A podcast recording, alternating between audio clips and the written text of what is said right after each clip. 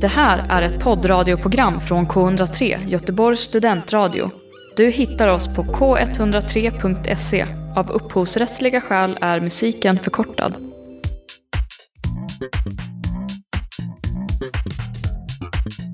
Hej och välkomna till Bokkvartetten, en nystartad podd med mig, Lisa, Nora, Alexandra och Maja. I den här podden så pratar vi om läsning, böcker, ja, och allt däremellan. Vi är ju då fyra stycken vänner som pluggar journalistprogrammet tillsammans på JMG här i Göteborg. Och eh, i dagens avsnitt så kommer vi prata om boken Evelyn Hugos Sju äkta män som är skriven av den amerikanska författaren Taylor Jenkins Reid. Handlingen går ju ut på att eh, journalisten Monique får i uppdrag att skriva eh, den här filmstjärnan och megakändisen Evelyn Hugo. Monique ska skriva hennes biografi. Och eh, så man följer två tidslinjer i boken. En som är med Monique och nutiden och hur hon träffar Evelyn Hugo och skriver, om den, här, skriver den här boken. Och en, en tidslinje som är Evelyn Hugos liv och eh, liksom hennes historia. Och på ytan verkar bokens stora mysterium bara vem var Evelyn Hugos stora kärlek, vilket var det här det riktiga äktenskapet som hon tänker tillbaka till. Men boken går egentligen in på djupet för att besvara frågan Vem var Evelyn Hugo? Ja, det ska också sägas att eh, nu lämnar vi den spoilerfria Precis. eh, versionen. Så från och med nu så är det full on spoilers. Full on spoilers. Så har man inte läst boken så får man lyssna nu på egen risk helt enkelt. Precis, precis. En liten varningssignal. Ja, våra tankar generellt om boken. Vad tycker vi? Men alltså generellt måste jag ju ändå säga att det är, en- det är en bra bok och den, den är en rätt välskriven bok. Sen har jag ju så här synpunkter och åsikter som hade kunnat bli ännu bättre, tycker jag. Men jag vet att inte alla håller med mig riktigt där, men vi kommer komma in på det mer sen. Mm. Nora, vad tyckte du? Jag vet att du gillade boken väldigt mycket. Um, jag råkar ju veta vilka grejer du syftar på Alexandra och Ja. det, det stör ju inte mig riktigt på samma sätt som jag vet att det stör dig. För helhetskänslan som jag lämnades med efter att jag läst klart boken var väldigt, väldigt bra. Ehm, jag tyckte verkligen att den här boken var fin eh, och verkligen berörande. Uh, också spännande. Det finns ett tydligt framåtdriv hela tiden. Eh, jag tyckte också mycket om boken. Jag tyckte att den var eh, fängslande. Det var roligt att läsa. Det gick snabbt. Eh, jag ville liksom bläddra vidare och se vad som skulle hända. Eh, och sen så, eh, det finns vissa detaljer i boken som jag inte tyckte var så genomtänkta. Som, så jag håller nog med Alexandra där om att eh, vissa saker hade nog kunnat göras bättre men generellt så tyckte jag om att läsa den och det förväntade jag mig heller inte från början riktigt. Ja, jag håller med er. Generellt tyckte jag att det var en bra bok. Jag trodde inte att jag skulle gilla den först just eftersom det handlar om mycket ja, men kändisskap och rykten och jag intresserar mig inte för sånt. Um, jag tycker framförallt att Evelyn som karaktär är väldigt fängslande. Till en början känns hon väldigt känslokall men, ja, men jag tycker verkligen man kommer nära henne som person man ser en personutveckling där.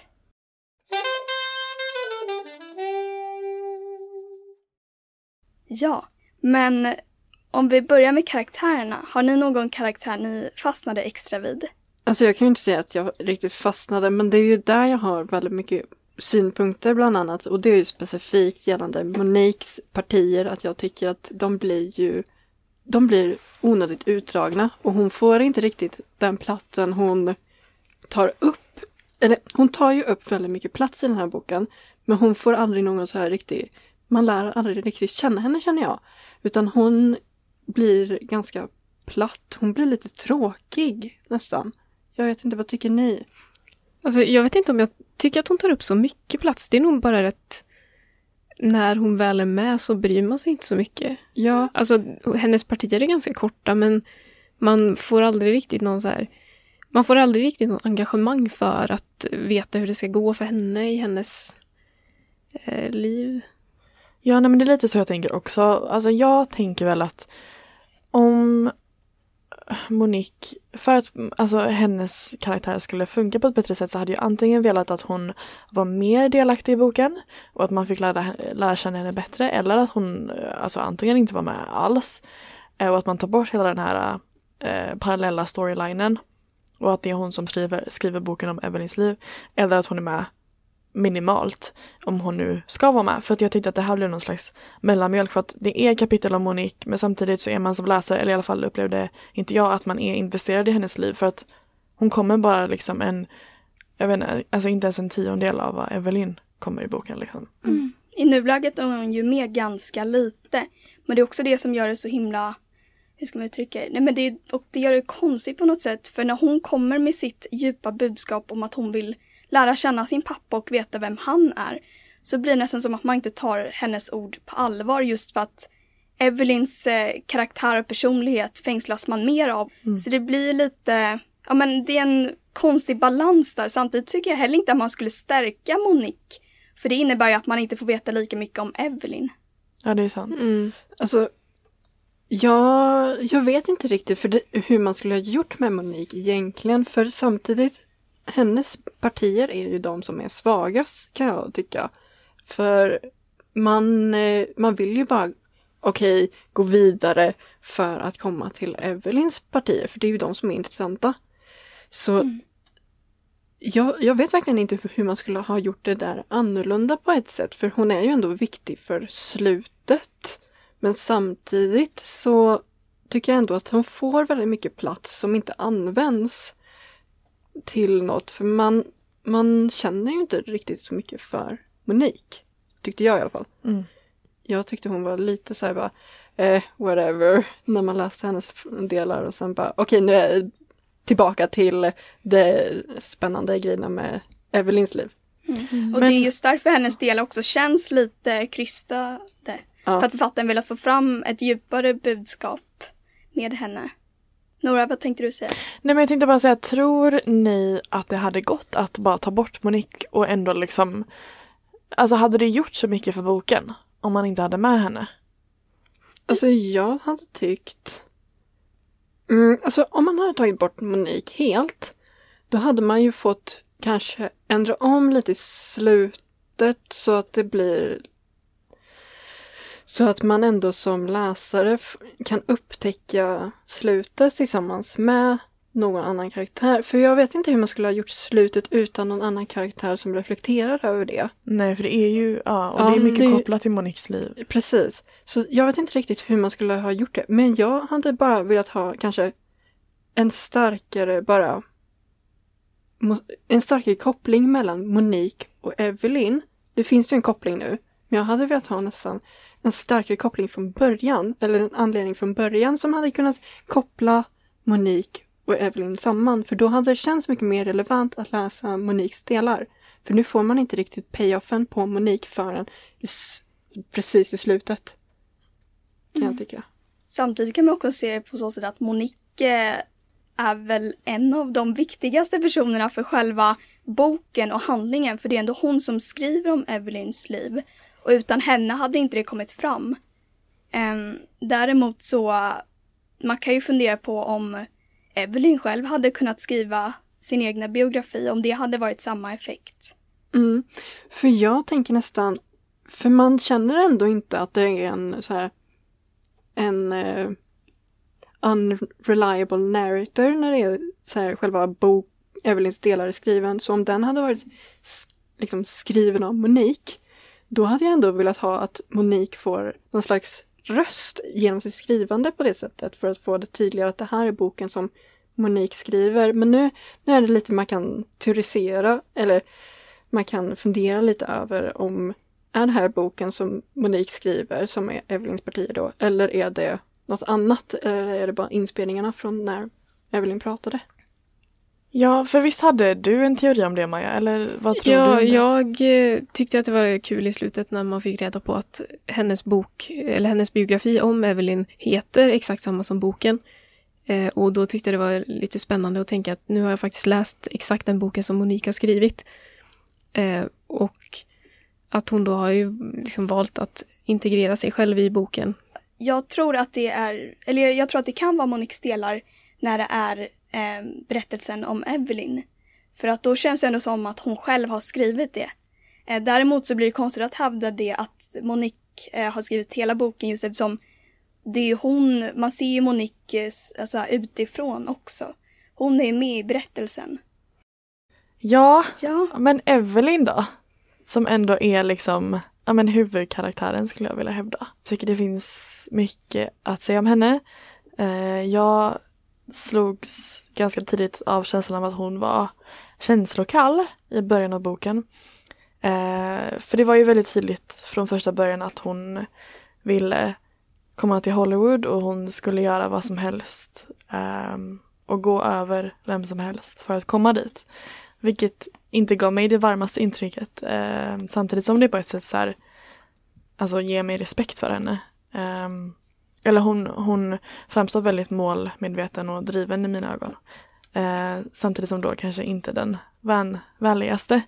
Eh, men i takt med att boken liksom unfolds och hon eh, får träffa alla dessa människor i sitt liv som eh, sen kommer kommer att betyda så mycket för henne så tycker jag absolut att man ser en helt annan sida av henne. Ehm, och som en som innan kunde göra vad som helst för sin karriär men som nu kan göra vad som helst för dem hon älskar och det känns som en väldigt stark personlighetsutveckling. Vad tänker ni om, om min analys av Evelyn? Jag tycker om, eh, eller jag tyckte mycket om att läsa om en sån huvudkaraktär som inte är perfekt. Att eh, hon har väldigt mycket, alltså hon har både bra och dåliga sidor och eh, hon fattar beslut som man tycker både bra och både moraliskt rätt och moraliskt fel ibland. Och jag tycker om att hon får platsen till att ha båda sidor samtidigt och det diskuteras också ganska mycket i boken så här, om hon gör rätt, om hon gör fel och, och det är många intressanta tankar kring det tycker jag. Nej, men jag tycker också att det funkar för att alltså, Evelyn är ju ändå skriven som att hon är självmedveten om att när hon gör fel, då vet hon ändå att hon gör fel. Det är bara att hon, alltså ibland kräver situationen det och då har hon ändå istället för att motivera till sig själv att nej men det jag gör är innerst inne rätt så kan hon ändå se det som är fel i hennes egna handlingar. Det tycker jag ändå kommer fram väldigt bra med Evelyns mm. karaktär. Och hon är ju hon är ju väldigt stark, hon är ju väldigt tydlig som karaktär. Och mm. det kan jag verkligen uppskatta. Ja, för det är lite så här 200 sidor in i boken kan man tänka, ja men det där var typiskt Evelyn att fatta ett sånt beslut och det gör ju verkligen att men författaren har lyckats bygga upp hennes med egenskaper och att vi verkligen får ja, men, ta del av dem. Eh, och det känns, ja men Evelyn som karaktär tycker jag känns väldigt trovärdig. Man förstår hennes handlande. Evelyns stora kärlek är ju ändå Celia St. James. Och jag kan ju tycka att hon funkade ju väldigt bra för storyn och hon funkade väldigt bra i relation till Evelyn för att dra, eller hon funkade väl inte jättebra i relation till Evelyn i vissa gånger. Det är inte så jag menar. Men hon funkar väldigt väl för storyn och eh, hennes relation med Evelyn är ju, skulle jag säga, ett, nästan hjärtat av den här boken. Eh, och jag tycker den byggs på väldigt fint. Men jag vet inte hur riktigt jag kan säga som Silia som karaktär. Jag vet inte, jag tyckte inte hon var... Hon är ingen som jag riktigt fäst mig vid eller mm. Har så mycket tankar kring. Utan det är mer bara hennes funktion som jag tycker funkar bra. Ja, hon är inte lika stark som Evelyn. Nej. Um, jag tycker att Silja som karaktär är väldigt men, nervig. Hon känns nervös, osäker. Och sen så, eller gemensamt Evelyn och Silja emellan så är det ju att båda strävar ju efter uppmärksamhet och komma så långt de vill. Men där någonstans så tycker jag nästan att Evelyn känns lite mer bestämd, vet vart hon är på väg medan Silja alltså, vacklar lite. Vad tänker ni? Um, ja, alltså jag tänker nog kanske inte att Silias uh, eh, så drivenhet för hennes karriär är lika stark som Evelyns är. Um, vilket jag vet, kanske kan ses som vacklande eller Um, jag vet inte om det var det du syftade på men för att jag, jag tror att hon har lite mer av sig själv att ge uh, till Evelyn och deras relation än vad Evelyn har. Vilket ju skapar mycket konflikter mellan dem. Uh, men så att jag skulle säga, alltså jag skulle också beskriva Celia som en driven karaktär men kanske inte lika driven mot karriären som Evelyn men kanske desto mer driven för kärleken än Evelyn. Ja. Samtidigt är det ju hon som är väldigt eh, om en osäker på relationen. Eller kanske inte osäker, men det är hon som inte vill ta steget utåt. Eh, relationen som hon har tillsammans med Evelyn. Fast det I- är ju, i, för, Ja. ja. eller ja, alltså för, i slutet ja men I början vill hon Ja. det, men där någonstans tror jag nästan att hon har inte tänkt igenom Nej. om hon vågar det här. Nej, i början var det ju mer av att jag kände, fick känslan av att, att Celia helt enkelt bara ville bli vald. Hon ville bli vald av Evelyn. Att Evelyn skulle ändå på något sätt göra ett aktivt val för deras relation och att hon skulle välja Celia framför karriären även om det var mer symboliskt än någonting annat. Hon, hon ville bara veta att vad som än händer att Evelyn skulle stå vid hennes sida. Så den känslan fick jag lite i alla fall och det var inte mer av det var inte så här bara nu, nu ska vi komma ut eller något utan det var mer att eh, hon ville bara aktivt bli vald. Mm, hon ville väl känna att, eller Evelyn, eftersom Evelyn är så driven i karriären så ville hon väl känna att hon var lika viktig, om inte viktigare då, Precis.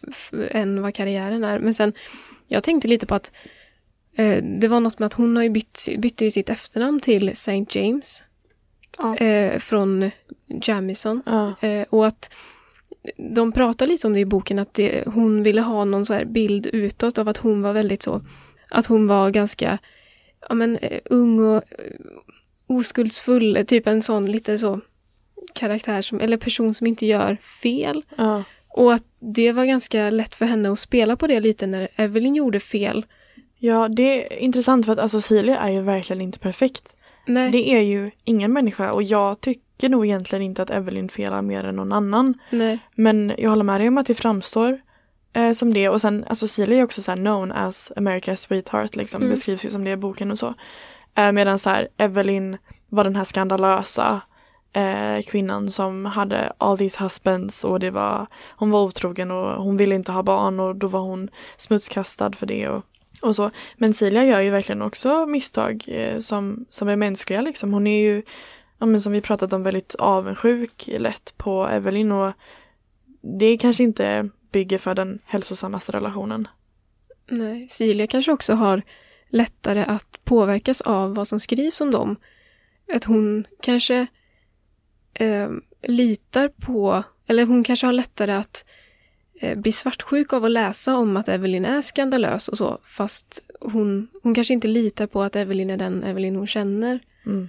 eh, personligen, fast ja, de, hon kanske har svårare att stänga ute det helt enkelt. Ja, jag tror hon tänker mycket på vad andra säger och eh, en av anledningarna till att hon också söker bekräftelse. Och sen tänkte jag på det här med just att Evelyn felar emellanåt. Jag tror att det är men en av anledningarna till att man också verkligen känner någonting för Evelyn. Man kommer henne djupare. Sen vet jag inte, eh, Silja gör ju också fel men det visar sig inte på samma sätt. Hon målas ju nästan upp som den här ja, men perfekta. Men jag kan tänka mig att det är ju också för att vi får ju den här berättelsen, i alla fall Evelyns liv, det är ju berättat av Evelyn. Och man kan ju också tänka sig där att anledningen till att Silja målas upp som mer, mer eller mindre perfekt, som du sa, det är ju för att det är ju så Evelyn ser henne. Kan jag tänka mig just i det. För med just Silja och alla personerna hon träffar, då är det ju, man ser dem via Evelyns lins. Och det är ju i Evelyns huvud vi egentligen gräver runt i lite när vi läser den här boken, tänker jag. Mm. Samtidigt som det finns ändå några spår av att eh, Celia, eller av att Evelyn liksom har varit upprörd med Celia. Eller i alla fall, jag minns ett exempel när Celia har sagt någon kommentar till Evelyn om att så här, du är inget mer än två snygga bröst.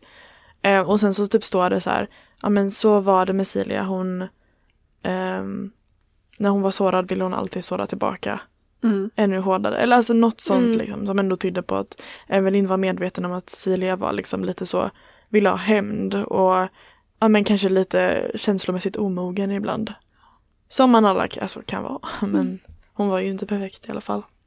Ska vi röra oss vidare? Mm. Jag tänkte på Harry. Ja. Eh, deras relation inleds ju tidigt i Evelyns karriär när hon precis har kommit till Hollywood och han är producent då till en av de tidigaste filmerna som hon, som hon är med i.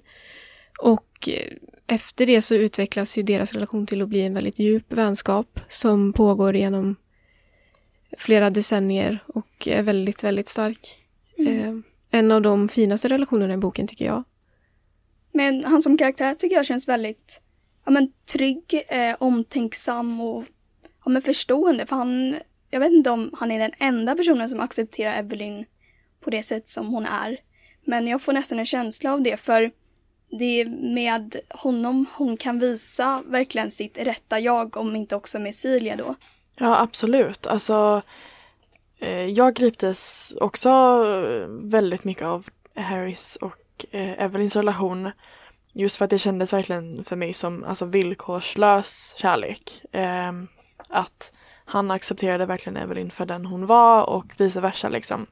Sen är det ju också så att båda de har en hemlighet de döljer om sin sexualitet vilket jag tror för dem djupare eller närmare eh, och får ge dem en djupare förståelse för varandra eftersom att de går igenom, de går igenom samma sak.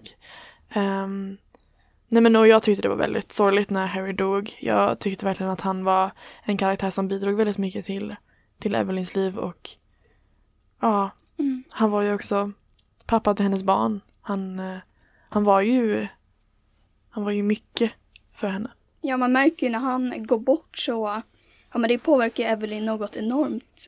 Man känner verkligen ja, men att det blir tomt och eh, just att de, jag skulle ändå säga att de är, de är beroende av varandra genom hela boken. Eh, inte bara relationsmässigt men också vänskapsmässigt. För man märker verkligen hur ja, men deras humör påverkar varandra och om det går bra för Evelyn så blir Harry glad. Och när Harry blir producent eh, för någon film så blir Evelyn eh, så här, inte glad ordagrant men det, ja, men det påverkar dem. Det lyfter. Mm. De lyfter varandra. De är verkligen varandras trygga punkt tycker jag genom hela, Mm. även om de har separata kärleksintressen som betyder jättemycket för dem så, eh, så är det som att de går alltid tillbaka till varandra när det blir jobbigt och de behöver verkligen varandras stöd. Ja, men alltså med Harry så det är ju som ni sagt att det är ju en av de relationerna som jag ändå upplever betyder mest för Evelyn. Och jag tycker ändå den får den platsen som den behöver för att verkligen kunna upplevas av läsaren också. Men en annan relation som jag inte tyckte fick lika mycket plats utan mer känns som förbifarten, lite, lite inklämt, det är ju Evelyns relation med dottern, Connor. Jag tycker personligen att den, den, den det blev mer typ eh, tell don't show. Det blev mer av att Evelyn bara sa det här och det här och det här hände gällande Connor men man får aldrig komma nära henne som karaktär. Och det tycker jag är lite synd med tanke på hur viktig dottern egentligen är för hennes liv. Eh, Men det är mina snabba tankar på det. Ja, alltså jag kan hålla med dig där för att alltså Evelyn beskriver ju Connor som extremt viktig för hennes liv.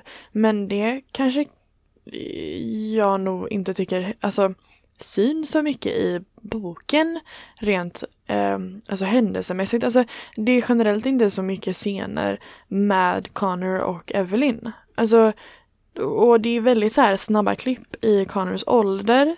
Så jag tycker typ inte riktigt man får se utvecklingen eh, av deras relation. Utan plötsligt så är hon liksom ja, men 40 och, eller, eller liksom och, och sen dröjer det inte så länge innan hon är döende. Um, så att jag kan ändå hålla med om att det saknades någonting där. Ehm, även om jag ändå tycker det framgår hur, hur ledsen Evelyn var när eh, Connor dog. Det tyckte jag man kunde förstå. Ja, för det finns ju ändå en potential att göra relationen eh, mycket djupare än vad den nu är. För man kan ju också tänka, Evelyns mamma dog ju när hon var ung. Ehm, och då hade man gärna velat se hur Evelyn ja, men, tacklar det här moderskapet när hon har fått en dotter. Och hon hade velat att en mamma var närvarande och så. Nej men jag, jag håller med dig Lisa och jag, och jag tänker att eh, författaren i det här fallet la mer krut på ja, men kärleksrelationen mellan Evelyn och eh, Celia och även relationen då mellan Harry och Evelyn än eh, med dottern. Vilket eh, kanske är lite tråkigt eh, men samtidigt så kanske man, eller känner jag i alla fall, inte hade velat ha mer av någon av de andra relationerna. Samtidigt om hon hade lagt mer krut på dotterns relation hade det kanske inneburit mindre, åt- eh, mindre åt någon annan relation, vilket hade funkat för hon var ju tillsammans med sju män. Mm. Och det är så här, det blev lite repetitivt ibland fjärde, femte relationen. Så där hade det ändå funnits potential att eh, ja, men, lämna plats åt relationen där. Hade man också förstärkt deras relation lite så hade ju kanske slutet när Connor dör kunnat funka som ett slut om man nu vill tänka bort Monique. Mm. Det hade kanske varit ett sätt att stärka, Ja, alltså att göra Ja. eh, Evelyn eh, historia utan Monique om man nu, Mm. mm, som vi pratade om innan. Men Mm. då får man ju göra om hela boken också lite grann. Det blir lite svårt. Ja. Vad tycker ni om slutet? Oj. Svår fråga. Det var, fråga. det var riktigt oväntat. Jag vill dock hävda stolt att jag gissade vad slutet skulle vara. Ja, jag fick ett Ehm, litet meddelande. Jag skrev ju till Alexandra typ så här direkt när jag kom på tanken bara "Åh, det har något att göra med hennes pappa. Och sen så fattade jag, det, var, det tog ändå ett tag innan jag förstod att det var att det skulle vara han som hade dött i bilkraschen men jag kom fan på det. Mm. Men ni hade ingen aning eller? Alltså jag tänkte att hennes pappa skulle ha någon betydelse eftersom det är det Mm. hon funderar på hela tiden. Men jag tror inte att jag kopplade att det var han i bilen. Nej. Jag har ju läst den här boken två gånger. Ja. En gång för ett x antal år sedan och sen nu inför det här. Jag kan säga att nu, andra gången jag läser den, letar jag aktivt efter ledtrådar Det till det här. Eh, till plot-twisten att eh, den mannen som Harry Cameron är ihop med i slutet eh, är Moniques pappa. ja.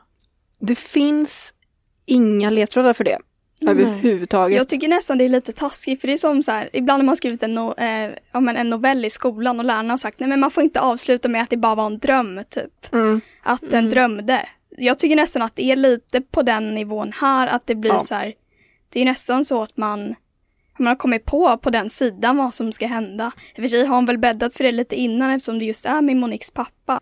Ja. Men alltså jag tycker typ att det Alltså att man hade kunnat gissa det enklare om det var en mer betydelsebärande karaktär som, som Mm. Harry var tillsammans med. Men den här, alltså James då blir ju introducerad först kanske några sidor innan han dör. Det är ju inte bäddat till att han skulle ens känna Evelyn Hugo eller ens vara involverad i den sidan. Det, det, vi får veta att han är eh, filmfotograf. Och, men det är ju specifikt också en del där Monique frågar sin mamma, tror du pappa hade Ja. känt Evelyn Hugo? Och hon Ja. bara, nej, det tror jag Ja. inte. Mm.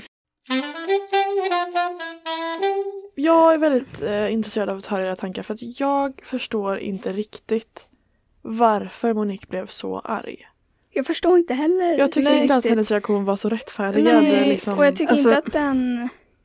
Alltså på ett sätt, man vill väl veta sanningen. För hon har alltid undrat över hur hennes pappa dog. Eller ja, vem Mm. hennes pappa var. De delarna som handlar om Monique får ju inte alls särskilt stor plats. Nej. Och de delarna glömmer man rätt snabbt bort. Så det är ju ändå så att även om hon nämner sin pappa och det, det bäddar inom citationstecken, Eh, Mm. Vilket det typ inte vilket, gör. vilket det typ inte gör. Nej.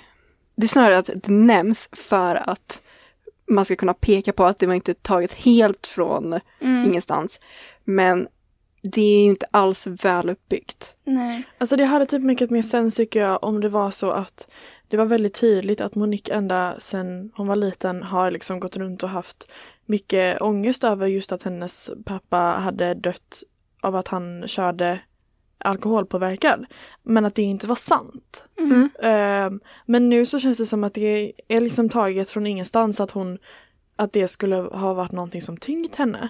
Men det gör mig också så himla irriterad för jag tycker det är en väldigt smart idé. Och det Ja. gör mig irriterad av att man inte har kunnat se den tidigare. Men, Men- samtidigt vill man att en plot twist ska vara förutsägbar. Jag tycker ändå det ska vara möjligt att kunna bara, aha, nu Mm. förstår Några jag. sidor innan i alla fall. Ja, man ska ändå kunna läsa en plot twist och se, ja jag förstår var det här kommer ifrån. Men nu, det enda vi får veta egentligen om Moniques pappa var ju hennes, är ju att relationen mellan hennes föräldrar var jätte, jätte, jättebra. Mm. Mm. Och att han dog i en bil, bilolycka när han körde alkoholpåverkad. Det är det Mm. vi får Ja. reda på om Moniques pappa. Och sedan bara visar sig, by the way, ha, han var ihop med Harry Cameron och det var Harry Cameron som körde ihjäl honom i Mm. princip. Alltså, det känns väldigt... Det hade kunnat funka om det hade varit mycket mer underbyggt och man Mm. fått lära känna pappan som karaktär mer och han hade fått mer plats. Evelyn får ju reda på att det som har hänt är att han har åkt till den här mannen för att säga att jag vill leva med dig. Och eh, sen då så hittar hon ju i Harrys ficka då ett brev där det står, som är från den här mannen, där han förklarar varför han inte kan lämna sin fru. Ja. För att han har en lycklig familj och han vill inte lämna sin fru. Eh, och då ska Harry då, vad de tror är att han då har blivit så upprörd av det här att han har druckit och sen kört. Mm. Och att det är därför som olyckan sker då. Mm. Men det som inte makes sense är ju varför är han mannen med i bilen när han har gett honom ett brev Mm. där det här står. Det är sant. Det är jättekonstigt. Harry får ett brev från mannen. Eh, Alltså blir Moniques pappa då. Ja, precis. Och blir jätteupprörd för det som han skriver i, i brevet. Sen sätter de sig i en bil och åh, nu ska vi åka tillsammans. För grejen är ju, de var ju på väg hem till Harry. Varför? Varför sitter de i bilen, båda på väg hem till Harry, när Harry läst det här brevet Ja, och de har gjort slut? ja och va- varför, om, om de nu ska träffas och åka hem till Harry, varför berättar han det här i ett brev? Har de setts och bara, här får du ett brev, läs det här, sen åker vi till dig. Jag, jag förstår inte hur det... Men skulle de hem till Harry? För har, Ja, har för de är, de, ja. är, de är på Harrys... Driveway? Men Ja, kunde det inte varit att de var på väg därifrån? Nej. Men varför nej. ska- Står varför det ens ska vart de båda- är på väg? Står det att de är på väg hem till Harry? Jag trodde, ja, för de, Det är ju är, utanför de, hans de hus. är ju Ja. utanför hans hus, så gissningsvis så är han ju Ja, på men- väg. Ja. Spelar det någon roll vart de är på väg om de båda ska träffas? Och han måste berätta det här genom ett brev. Jag vet inte. Jag fattar Ja. Harry inte. har ju läst brevet i alla fall för det ligger i hans Ja. ficka. Det så han har ju läst och det är ju, det är ju anledningen vi får till varför Harry var Så- svinfull Ja. den Ja. kvällen han körde ihjäl sig. Ja. Men det Ja. känns också där som att författaren bara har, ja men vart ska vi placera dem här så att det känns som en trovärdig dödsorsak Ja, eller något. Mm. Och det, det är det jag tycker att hon har misslyckats med. För att jag håller med dig liksom att det hade kunnat, det är en smart idé, men att han skulle ha fått det här brevet och sen åkt ensam, i, eller det rimliga är ju att man får Ja, ett brev att han- av någon, Ja. blir, blir ledsen och kanske att han säger åh jag måste åka till honom och prata Ja. och jag är jätteupprörd och bla bla bla. Men nu sitter de i bilen tillsammans, det är det jag tycker går ihop. Jag tycker i, idén om det här hade kunnat funka med en annan uppbyggnad. Man hade velat lära känna James som en karaktär. Mm. Kanske mer till och för med att, han var John. Ja. Eller bara något litet, att de gick ut och åt middag tillsammans, man får lära känna han, eller bakgrund, var han kommer ifrån. Alltså få någonting från James så att den här plot-twisten åtminstone känns lite mer emotionell. Det Fast jag försvinner vill också iväg. att jag tyckte det var väldigt sorgligt att just att så här, när han precis hade hittat någon som han kunde älska igen efter att ha gått flera år och känt att jag kommer aldrig älska någon igen sen John dog, att det var väldigt hemskt att just de Jo. dog tillsammans. Mm. Mm. Samtidigt så här, ja. jag, jag blev ju påverkad, eller inte så, men liksom lite, men jag blev nog mer upprörd över att man inte har fått några Mm. tidigare ledtrådar. Ja. Det, var ju sorgligt ja. såklart, men eh, Det helt ärligt, så jag blev jag nog kände. mer upprörd. Ja. Jag blev så, jag har varit upprörd över det här i flera år. Jag tycker ändå hela problemet är plot-twisten. För när man som läsare blir mer upprörd över att det här kommer från ingenstans än själva twisten, då blir det också Moniques reaktion. Så, Konstig nästan. Ja, den blir jättekonstig. Det ska ju nästan vara att vi får samma reaktion som Monique. Mm. Eh, och då kanske man heller inte förstår varför hon reagerar så starkt. Men jag tycker Evelyns reaktion nästan är värre. För jag skrev ner ett citat som gav mig huvudbry. Hon säger Vet du vilken fantastisk pappa du hade? Do you know what an amazing father you had? Liksom som Hon säger det när de grälar och Alltså grejen är att Evelyn kände inte James. Nej. Hur skulle hon veta vilken fantastisk pappa han var? Men, Eh, eh, jag fattar att det är baserat på brevet. Men ändå. Mm. Mm. Nej men hallå. Fast jag Ja. tycker, ja eller jag... Jag vet inte, Jag det störde mig. Jo, när du Det väl säger mig. det, ja. Ja.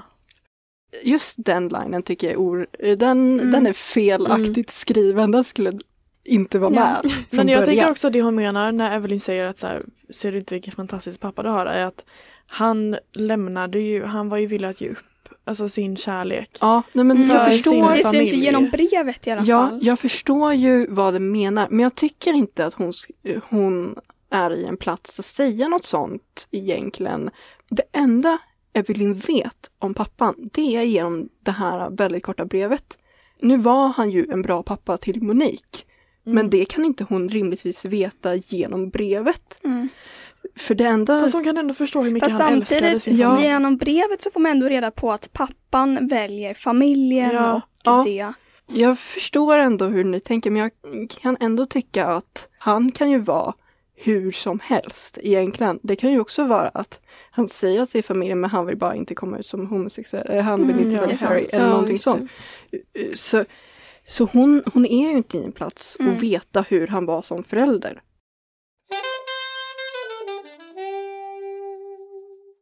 En grej som jag fastnade för mer um, i boken, um, för jag var inte riktigt lika berörd av plot-twisten, ehm, var att jag tyckte det var väldigt intressant hur Evelyn använder sin kropp genom bokens gång för att komma dit hon vill och att jag upplever det som att hon tänker att hon är in charge och att hon har all makt. Um, men så pratade jag med en uh, annan person om den här boken och hon var så här, ja, tror hon ja. Och det så här startade många tankar hos mig att så här, kan man verkligen någonsin vara in power när man behöver vara, alltså göra sig själv till ett offer på det sättet. För det är ju det hon gör när hon ja, men, låter andra ja, men, män då ligga med henne för att hon ska eh, sedan få ta del av de förmånerna som hon får av att han är tillfredsställd eller så. Um, kan man verkligen vara um, den som har makten då? Vad tänker ni? Hon framstår ju som att det är hon som har makten. Men samtidigt tror jag att det är en del av hennes självbevarelsedrift att hon ändå måste på något sätt tro att det är hon som är i kontroll.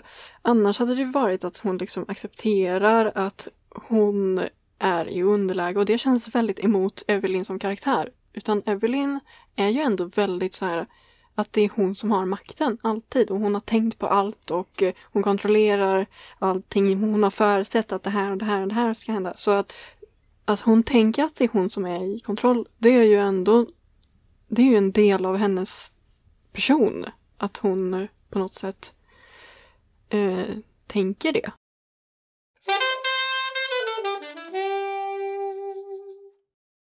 Jag tänker också att det är lite som en eh, eh, eh, alltså självförsvarsmekanism som du säger. att det För att det är ganska tidigt i boken som hon aldrig har upplevt, eh, alltså, eller ja, tidigt i boken så är det ju bara för att vinna förmåner som hon använder sin kropp.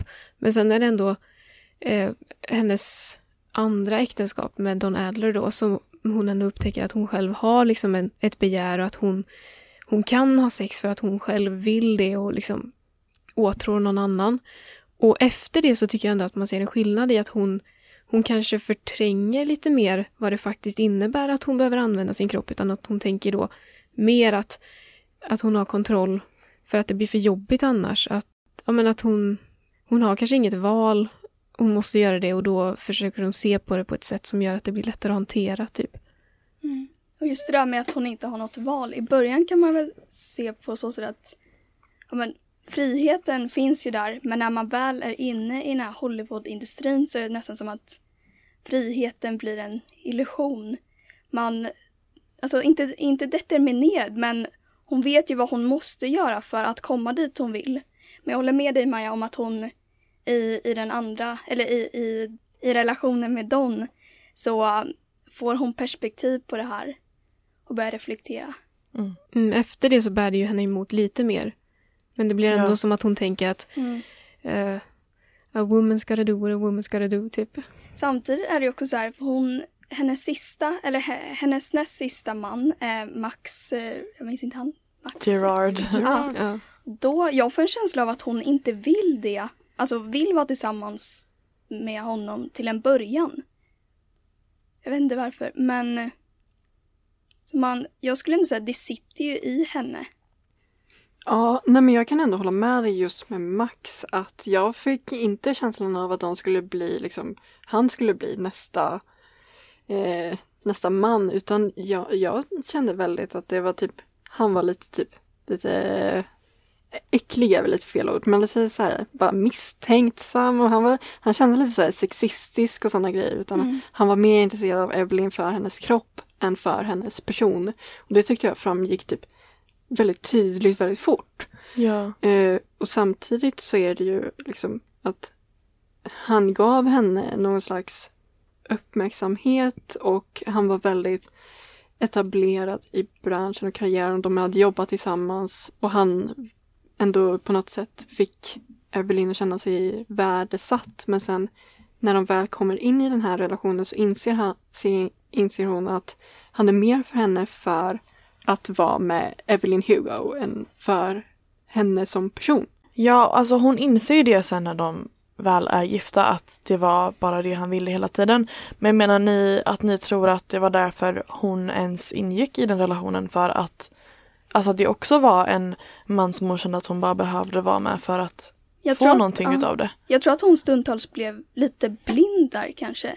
Jag vet inte. För det här är ändå hennes eh, sjätte man blir det va? Mm. Och jag får verkligen en känsla av att hon har förstått eh, vem hon kan få och att hon själv har makten att bestämma vem hon vill ha. Redan ja, men, vid hennes tredje man, ungefär i mitten. Och det är det som gör mig lite, ja, men lite konfundersam varför de just blir tillsammans. Sen vet man ju inte riktigt om Evelyn ville det. Nej men jag, alltså jag, jag, jag tyckte också det var lite oväntat att de skulle vara tillsammans för att jag, jag tyckte att han var äcklig och jag fattade inte vad, vad, vad hon såg i honom. Dock så upplevde jag det bara utifrån hur författaren beskrev det att Evelyn faktiskt var förälskad i honom och, och ville vara tillsammans. Nej men jag tror inte att jag såg det som ännu ett exempel på, på att hon la före någon annans behov framför sina egna. Utan att hon genuint ville vara med honom. Ehm, en grej som är lite så här kopplat till Hollywoodindustrin, det är också det här att Evelyn, eh, hon är ju från Kuba och genom, genomgående i karriären så både behöver men också väljer hon att göra saker för att ta avstånd från sitt ursprung. Hon byter namn och eh, färgar sitt hår, hon är ju blond hela tiden och sådär.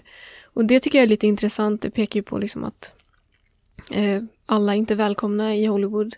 Ja, för tidigare har hon ju pratat spanska och nu vill, nu vill hon inte alls eh, förknippas med det språket. Eh, och jag tror att det har att göra med att hon ja, men kanske skäms för sitt förflutna eh, och det som en gång var, för hon hade ju inte en jättetrivsam eh, uppväxt och barndom. Ehm, ja, och att hon vill visa vem hon är nu, för hon har ju verkligen den här drivkraften att komma så långt det bara går och någonstans så fattar hon väl ett beslut att det bästa hon kan göra är att bara köra på och visa vem hon är nu.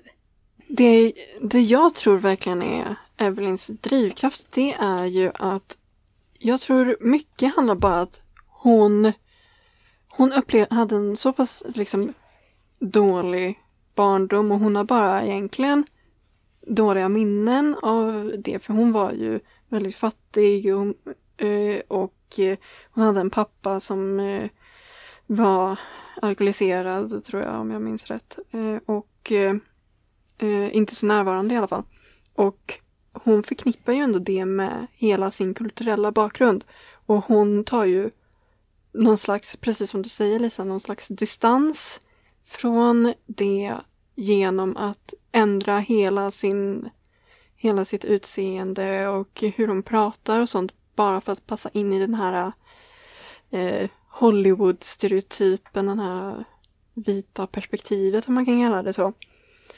Eh, i, tank- I förhoppet att bara tjäna så mycket pengar hon kan för att få ett bättre liv. I Mm. hoppet om ett bättre liv skulle jag väl ändå säga. Och det är det som är så häftigt i slutet för hon och Silja flyttar ju till Spanien eh, när Silja bara har ett litet tag kvar att leva. Eh, och då kan hon plötsligt prata spanska igen. Eller det är som att det alltid har suttit i henne, det har funnits där. Um, och det är nästan som att hon, ja, men hon är stolt över det, hon skäms inte längre. Uh, och det tycker jag väl är en liten revolt mot det hon ja, men tidigare förknippade med mycket skam. Ja, absolut. Håller med om det. Ja, det var fint att se. Men samtidigt hade jag... nu tar vi... Okej. Okay. Samtidigt så hade jag velat me mer se att hon kanske eh, kämpade med att få tillbaka spanskan. För nu är det mer bara att det är någonting som varit på standby. Men så funkar det inte med språk. Använder man dem inte, även om man pratade jättemycket i barndomen, använder man dem inte då kommer de ju försvinna eh, mer och mer. Jag hade tyckt att det var rimligt att de kanske kom ihåg fraser, uttryck. Men det gör de väl, eller? Men jag, jo, ja, men hon kommer ju ihåg så himla mycket. Ja, hon, det, allting kommer tillbaka till Det är ändå till att hon, hon kan vara översättare och prata och sånt. Och hon använder det helt plötsligt. Det är ingenting hon kämpar med när hon kommer till Spanien. Och jag hade ändå velat se det, att hon kanske ångrar att hon bara helt tog bort spanskan ur sitt liv. För då hade jag tyckt att det varit lite mer realistiskt. Mm. Det blev ändå uppenbart för mig att hon ångrade att hon hade eh, släppt spanskan helt. Um, genom den här scenen med hembiträdet som jag tror heter Louisa. Um, för Louisa pratar ju spanska Um, men förstår inte att Evelyn hör. Varpå Evelyn blir väldigt upprörd för att hon är så här, ja men jag kan ju spanska liksom, det här är ju mitt ursprung men jag har bara förträngt det. Och att det gör henne upprörd att Alltså det skapar någon slags inre identitetskris hos henne upplevde jag i alla fall att den jag innerst inne vet att jag är, är inte den jag presenterar utåt och det stör henne liksom. Hon mm. ångrar det valet. Och jag, jag, jag håller verkligen med dig där att i, i den delen då tycker jag ändå det framkommer. Men senare i livet när de åker tillbaka till Spanien, då är det ändå typ nästan 50 år sedan hon pratade spanska.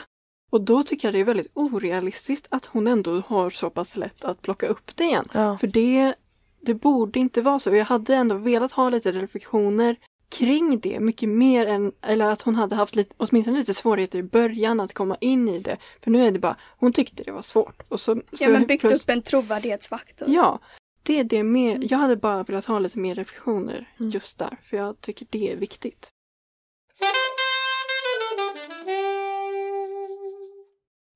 Vad tar vi med oss från den här boken? Um, jag tycker att det är svårt att välja, om jag ska vara ärlig.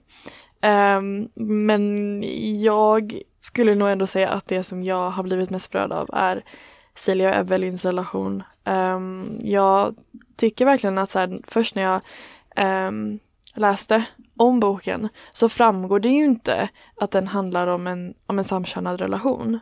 Men den gör ju verkligen det. Och jag tycker på något sätt att det kanske, i alla fall för, för mig, nu kanske jag läser in lite för att jag, jag tycker att det alltså en viktig eh, mening i boken för mig personligen. Men jag tycker liksom att bland det starkaste och mest genomgående temat genom hela boken är liksom att de behövde dölja sin relation. Och att man då, alltså att man tar upp den samhällsdebatten. Det här utspelade sig, ska jag också säga, stå för, för ett tag sedan. Så att riktigt så här är det ju inte längre. Men det var så då och jag tyckte att det var väldigt bra berättat eh, bra gestaltat genom deras relation. Eh, just den problematiken, att det var så verkligheten såg ut. Eh, och sen, ja, jag tyckte det var väldigt fint i slutet när eh, Monique då eh, gör en liten teaser typ för eh, själv, eh, eller biografin som hon kommer släppa om Evelyn. Eh, och det första hon avslöjar är att Även om Evelyn hade alla dessa eh, män, alla dessa sju män, så var det inte hennes kärlek, utan det var hennes hustru. Och det var väldigt fint tyckte jag. De fick ju aldrig gifta sig på riktigt, men det var ju egentligen de som var gifta om man ska tala om det som att vara med någon man faktiskt älskar. Så att jag tyckte det var väldigt fint eh, beskrivet av deras relation och eh, den berörde mig mycket. Nej men jag tycker det du säger Nora, det är väldigt fint och jag tycker, jag, jag kan hålla med dig i själva boken och vad den betyder och så. Men sen kan jag, alltså som bok i helhet så tar jag väl med mig att jag tycker det här är en masterclass hur man skriver en bra liksom huvudkaraktär samtidigt som det är en masterclass i hur man inte skriver en plot twist. Finns det någon vi rekommenderar den här boken till?